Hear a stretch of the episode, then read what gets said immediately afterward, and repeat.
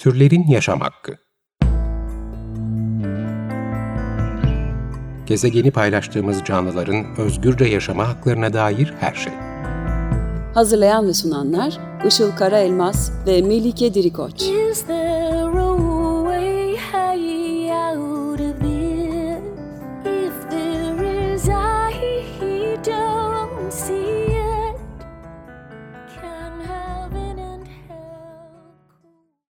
Merhabalar, 94.9 Açık Radyo'da Türlerin Yaşam Hakkı programı başladı. Ben Işıl Karaelmaz. Merhabalar, ben Melike Dirikoç. Teknik Masa'da da Selahattin Çolak program kaydını alıyor bugün. Covid-19 sonrası hayat serisine devam ediyoruz. Pandemi önlemleri sonrasında bildiğimiz eski normale dönmemek için neler yapabilir, neleri değiştirebiliriz diye düşünmeye başlamıştık. Ve geçtiğimiz hafta e, dünya olarak yaşadığımız krizlerin, salgınların, iklim krizinin, e, ekolojik yıkımın sebebi olarak insan merkezci bakış açısını yani antroposentrizmi konuşmuştuk. Tabii gezegeni etkileyecek kalıcı bir dönüşüm için mutlaka sistemsel değişiklikler yapılması gerekiyor. Fakat bireysel olarak da önemli değişimlere sebep olabiliyoruz. Bu minvalde bugün de eski normal ve olağanüstü hızlı olan gidişatımızı sorgulamak adına yavaşlamayı konuşacağız. Covid-19 pandemisi dünya genelinde birkaç aylık zorunlu bir yavaşlamaya sebep oldu. Ve bu kısacık sürede bile pek çok olumlu sonucunu gözlemledik aslında bu yavaşlamanın. Ama bu zorunlu yavaşlamanın olumlu etkilerini kalıcı hale getirmek için pandemiden sonra da yaşamlarımızı yavaşlatabilmek yine bizim elimizde. Bunu nasıl yapabileceğimizi konuşacağız bugün. Öncelikle yavaşlamak derken neyi kastediyoruz? Onu netleştirmek lazım herhalde. Yavaşlamak derken sadece elimizdeki işi gücü normalden daha yavaş, ağır yapmaktan veya daha yavaş hareket etmekten bahsetmiyoruz. Tabii bir noktada bunu da kapsıyor ama öncelikle bakış açısı ve yaşam tarzı olarak yavaşlamayı kastediyoruz aslında. Evet, yine tabii her şeyde olduğu gibi bir zihniyet değişikliği e, gerekiyor bunda da. Yavaşlamayı süper hızlı bir gidişattan vazgeçme, hızımızı daha sürdürülebilir, daha az yıkıcı, daha farkındalık sahibi olduğumuz bir hıza çekmek olarak da tanımlayabiliriz. E, bu yine hem sistemsel hem de bireysel değişiklikler içeriyor. Birazdan bunlara değineceğiz. Önce yavaşlamamız gereken hız nasıl bir hız? Ona bir bakabiliriz. Ee, yaşadığımız çağda her şey giderek daha da hızlı bir hal alıyor. Bazı düşünürler bunu ivme toplumu olarak kavramsallaştırmış. Zamanı algılayışımız gibi hızını da doğrusal olarak algılama eğilimindeyiz. Sanki her gün bir diğerinden daha hızlı olmalıyız. Her şeye daha hızlı ulaşmalıyız. Daha hızlı düşünmeli, daha hızlı hareket etmeliyiz gibi geliyor. Bu hıza ayak uyduramazsak zamanın ve her şeyin gerisinde kalacağımız ve kaybedeceğimiz hissi oluşuyor adeta. E, felsefe profesörü Güterm Fluis da şöyle diyor.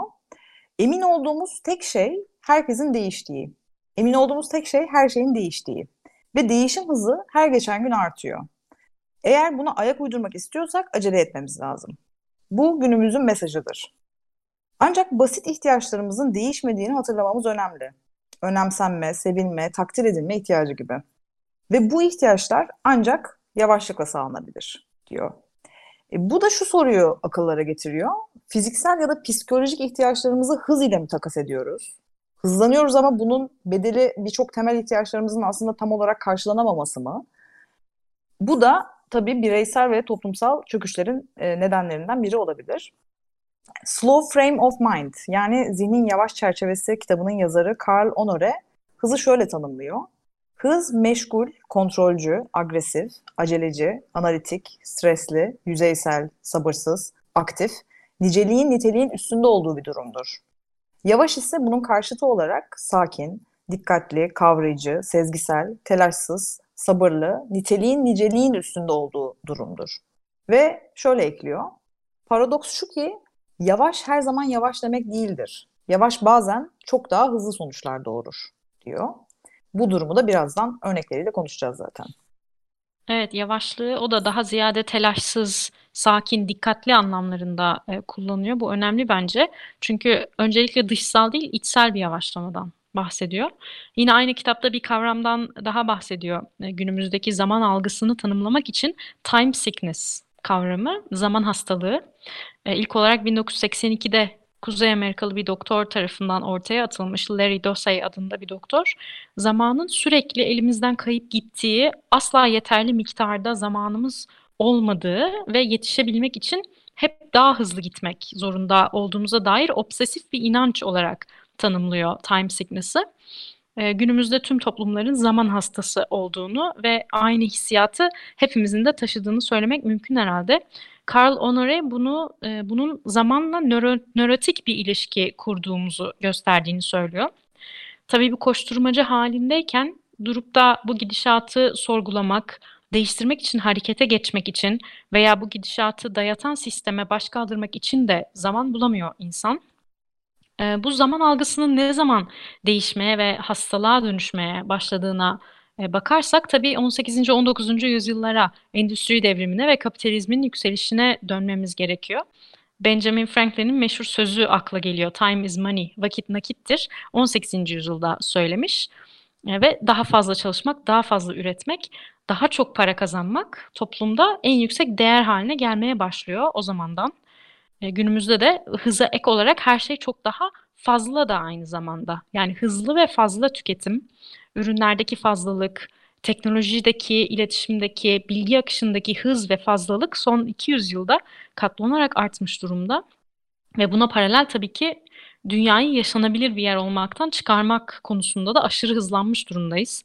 Hem kendi türümüz için hem de diğer türler için. Ve bu hızlı gidişata aynı şekilde devam edemeyiz gibi görünüyor.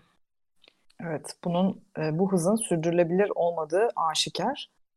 E, zaman algımız senin de dediğin gibi öylesine metalaşmış bir durumda ki zamanın akışında var olmak yerine zamana yetişmeye ve onu devamlı bir materyale dönüştürmeye çalışıyoruz.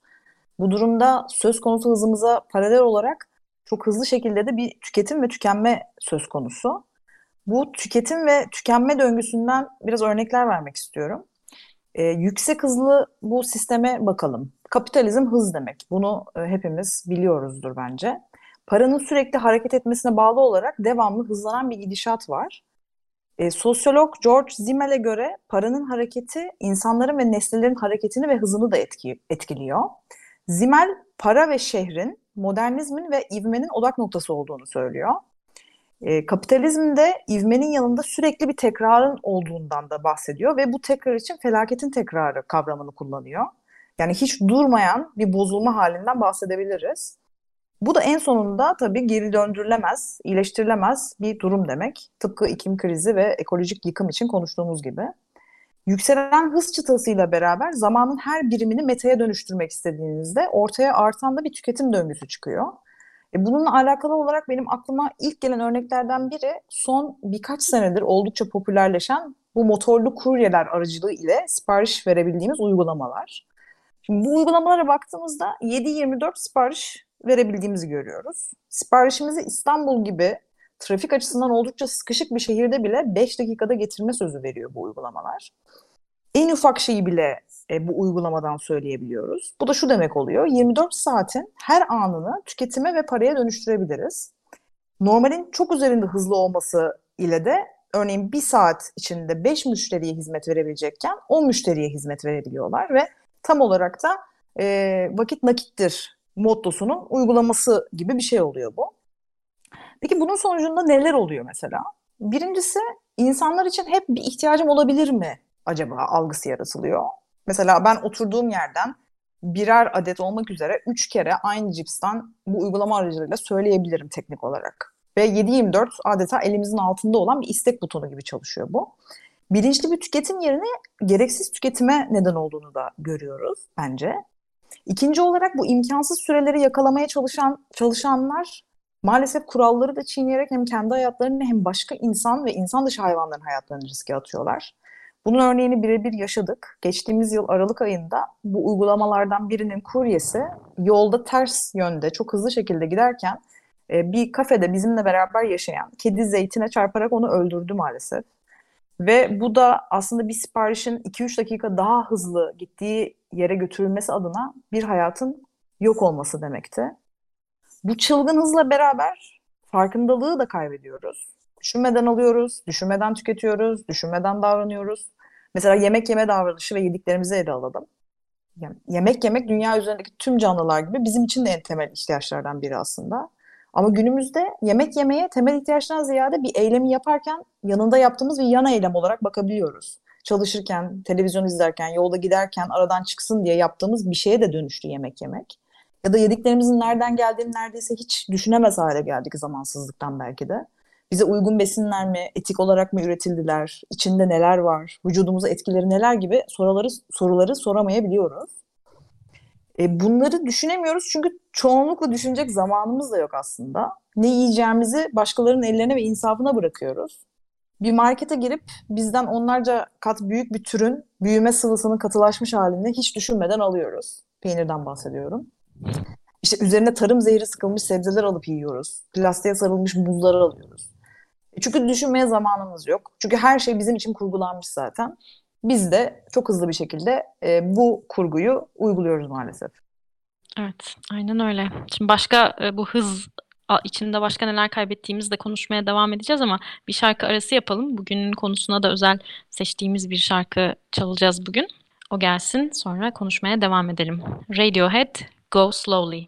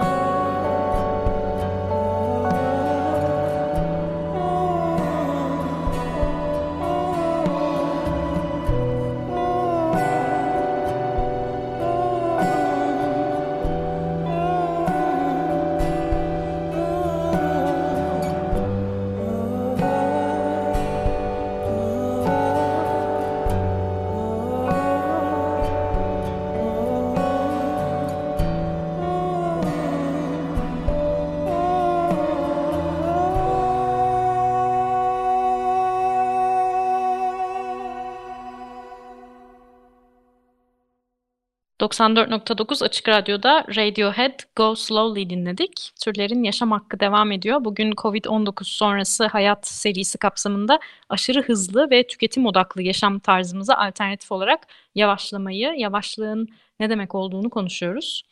Ee, şimdi bu hızlı halimiz nelere mal oluyor diye baktığımızda tabii saymakla bitmiyor. Bahsettiğin gibi e, senin de şarkıdan önce bir farkındalığın elden gitmesi durumu var. E, bireysel düzeyde müthiş bir tüketim çılgınlığına kendimizi kaptırıyoruz.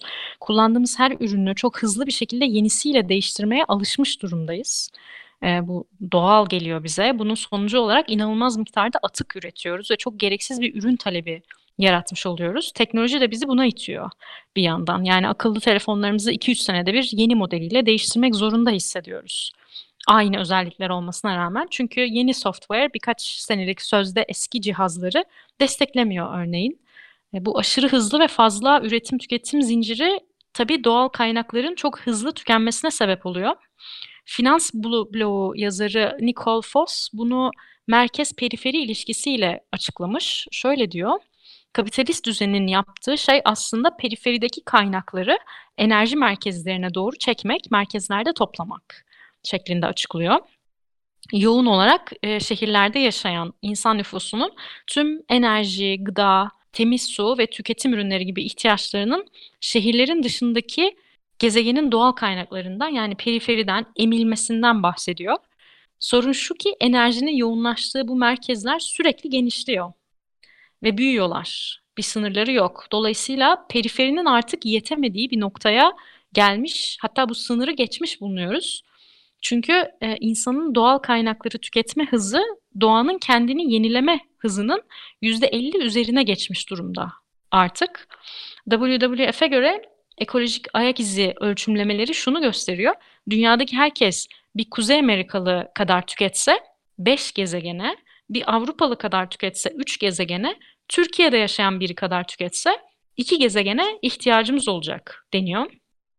E, ve iki senede bir yayınlanan da bir rapor var. Yine WWF ve Londra Zooloji Derneği işbirliğiyle hazırlanıyor rapor. Yaşayan Gezegen raporu adında.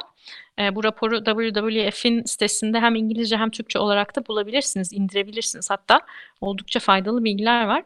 En son 2018 tarihinde yayınlanmış. E, o raporda şöyle diyor. Dünyanın 4,5 milyar yıllık tarihinde ilk kez büyük ivme devrini yaşıyoruz.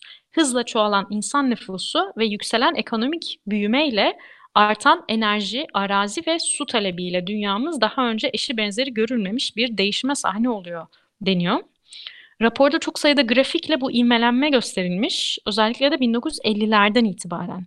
Değişim hızında çok ciddi artışlar yaşanmış. 50'lerden sonra insan faaliyetleri yani kentsel nüfus, enerji tüketimi, su kullanımı, büyük barajlar, kağıt üretimi, taşımacılık, telekomünikasyon ve küresel turizm müthiş bir ivmeyle artıyor ve buna paralel olarak da dünyanın yaşam destek sistemleri dediği doğal kaynaklar üzerinde gözle görülür derecede etki yapmaya başlıyor insan. Yani grafiklerde özellikle 1950'den e, itibaren sera gazı salınımı, okyanusların asitlenmesi, kıyısal azot kirliliği, tropikal orman kaybı, tarımsal kullanıma açılan araziler, balık avcılığı, karasal biyosfer bozulumu gibi alanlarda yukarı doğru fırlayan e, grafikte inmeler görülüyor. Ve doğadaki kaybın büyüklüğünün de altı çiziliyor. Canlı türlerinin popülasyonlarında %60'lık genel bir düşüş olduğuna dikkat çekiyor bu rapor. Yani biz tüketim hızımızı kesmedikçe çok daha büyük kayıplara doğru gidiyoruz. Bu çok açık görünüyor. Peki bütün bunları değiştirmek için ne yapabiliriz? Biraz onu konuşalım. Karl Honore time exit yani zamandan çıkış diye çevirebiliriz e, bunu. Bir kavramdan bahsediyor. Sürekli zamanı düşündüğümüz ve onun peşinden koştuğumuz değil de zamanı kısmen unutarak döngü içinde olduğumuz bir model öneriyor.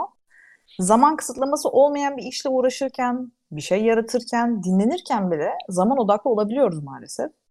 Mesela ben kendim örnek vermek gerekirse kitap okurken bile bazen arada durup saate bakıyorum ve beynimden şunlar geçiyor. İşte ben kitap okuyalı x zaman olmuş. Y işi de bugün yapmalıyım e, diyorum. Sonra geri döndüğümde artık kitaba eskisi kadar konsantre olamadığımı hissediyorum. E, sanki kitap okurken yapmadığım şeyleri o güne sığdırmam gerektiğini e, düşünüyorum ve bu işler kaçıyormuş gibi geliyor. Bu durumda da kitap okurken aslında kitap okuyamamış oluyorum. Zihnim bölünüyor. Onun yerine yapmak istediğim neyse onu yaparken sadece onu yapsa, yaparsam eğer yaptığım şeyin kalitesi de inanılmaz artacak aslında. Zaman biz onu sürekli kontrol etmesek de akacak aslında. Akışın peşinde değil de içinde olursak çok daha fazla verim alıyoruz yaptıklarımızdan. Akışın içinde kalmanın ne demek olduğunu belki yeniden öğrenmemiz gerekiyor. Çünkü belli ki sürekli arkasından koşmaya çok yıllardır alıştık. Zihinsel olarak doğa ile uyumlanma sürecinde benim için hayvanları izlemek büyük bir artı oldu mesela. Bir şeyleri yeniden öğrenmek için. Hayvanların zamanı nasıl algılayla alakalı da birkaç şey söylemek gerekirse, yapılan araştırmalara göre hayvanların zamanı algılamalarında çevrelerindeki uyaranlara ve onlarla olan e, etkileşimleri e, çok önemli bir rol oynuyor. Etraftaki uyaran sayısının fazlalığı veya azlığı zaman algısına olan e, etkilerini bence birçoğumuz da yaşamıştır. Örneğin İstanbul'da geçirilen bir gün ile Kaz Dağları'nda telefonu çekmediği bir alanda geçirilen gün kesinlikle aynı uzak uzunlukta hissettirmiyor insana. E, elbette hepimiz için şehirlerden uzaklaşmak bir seçenek olamayabiliyor. E, o zaman şehirde yaşarken maruz kaldığımız uyaranları nasıl azaltabiliriz? Belki bunun üzerine düşünebiliriz. İşte telefonun bildirimlerini kapatmak bile ciddi anlamda bir uyaran miktarını azaltmaktır aslında. Bir odada sadece müzikle beraber meditasyon yapmak, kendimizi dış dünyadan belirli şekillerle soyutlamak. Bunlar şehirlerde de uygulayabileceğimiz şeyler. Ee, insan dışı hayvanlar gibi biz de içgüdülerimize daha fazla kulak vermeliyiz ee, ve anda kalmaya çalışmalıyız. Dikkatimizi zamandan çok yaptığımız şeye yöneltmeliyiz. Zamanın peşinden koşulacak bir şey olmadığını anlayarak kendi hayat ritmimizi yeniden kurgulayabiliriz bence. Evet, Almanca'da da bunu anlatan bir kavram var. Bu kendi ritmini Eigenzeit diye. İngilizcesi self time veya kendi zamanın, kendi ritmin, kendi tempon diye çevirebiliriz. Hepimizin kendine ait bir zamanı olduğu fikrini taşıyor. Bu kendine has olan ritmi hissedebilmek için öncelikle bizi sürükleyen bu modern yaşamın sürekli tüketme iten e, toplumun, medyanın ittirmesine ve hızlanmaya direnmek gerekiyor yaşadığımız yeri, işimizi, gücümüzü tabii değiştiremeyebiliriz e, elbette ama bu yaşam tarzının bizi zorladığı yöne dair en azından bir sorgulama yapmak mümkün. Özellikle de yıllardır kemikleşmiş olan tüketim alışkanlıklarımızı yani enerji alanında beslenme, temiz su kullanımımız, giyim veya bakım ürünleri gibi tükettiğimiz her şeyi e, dolayısıyla da kendi ekolojik ayak izimizi sorgulamamız mümkün. Kendi ayak izimizi belirleyebileceğimiz web siteleri var hatta e, yaşam şeklimizin gezegene maliyetini hesaplayabiliyoruz e, bu şekilde. Onun dışında bugün yavaşlamayı konuşurken tabii slow hareketinden de kısaca bahsedelim. Slow e, yavaşlık hareketi tam olarak bir hareket değil aslında. E, ama çeşitli tüketim alanlarında etkisini görüyoruz. İlk olarak gıda alanında çıkıyor. Slow food olarak 1986'da İtalya'da çıkıyor. Meşhur bir meydanda açılmak istenen ilk fast food zinciri restoranına karşı Carlo Petrini tarafından başlatılan bir hareket bu. E, ve küresel fast food yemek zincirlerine, kitlesel üretime, monokültür tarımına alternatif olarak yerel, organik, geleneksel tarımla üretilen ve geleneksel yöntemlerle pişirilen gıdaları öne çıkaran bir hareket slow food. E, ama ne yazık ki diğer türlerin yaşam hakkına saygının slow food'un değerleri arasında pek yer almadığını görüyoruz. Çünkü vegan bir hareket değil. Ama fikir olarak yavaşlamayı taşıyor ve aynı slow food gibi daha etik, yerel, çeşitli ve emeğe değer veren, uzun ömürlü, daha kaliteli ürünleri ürünler var. Sömürüsüz ürünler, slow ürünler mevcut. Biz de tüketim tercihleri yaparken bu slow ürünleri, giyim veya bakım ürünlerini bulabiliriz. Çünkü satın alma tercihlerimiz oldukça önem taşıyor. Bu tür slow ve vegan ürünleri tercih etmemiz çok önemli. Evet, e, haftaya da tam olarak bu konudan bahsedeceğiz. Daha detaylı olarak otomatikleşmiş pasif bir tüketiciden bilinçli bir tüketiciye, hatta üreticiye nasıl dönüşebileceğimizi ve gereksiz tüketimin, kaynak israfının nasıl önüne geçebileceğimizden bahsedeceğiz. 94.9 Açık Radyo'da Türlerin Yaşam Hakkını dinlediniz. Bugün COVID-19 sonrasında hayat serisinin kapsamında eski hızımıza geri dönmemek adına yavaşlama gereğini nasıl yavaşlayabileceğimizi konuştuk. Kullandığımız kaynakları isteyenlerle e-mail yoluyla paylaşabiliriz. Programla ilgili yorumlarınızı, önerilerinizi ya da sorularınızı e-mail olarak bize gönderebilirsiniz. Programın e-mail adresi turlerinyasamhakki@gmail.com. Ben Melike Dirikoç. Ben de Işıl Karaelmaz. Dinlediğiniz için çok teşekkür ederiz. Haftaya görüşmek üzere. Görüşmek üzere, hoşçakalın. Türlerin Yaşam Hakkı Gezegeni paylaştığımız canlıların özgürce yaşama haklarına dair her şey. Hazırlayan ve sunanlar Işıl Karaelmaz ve Melike Dirikoç. Is there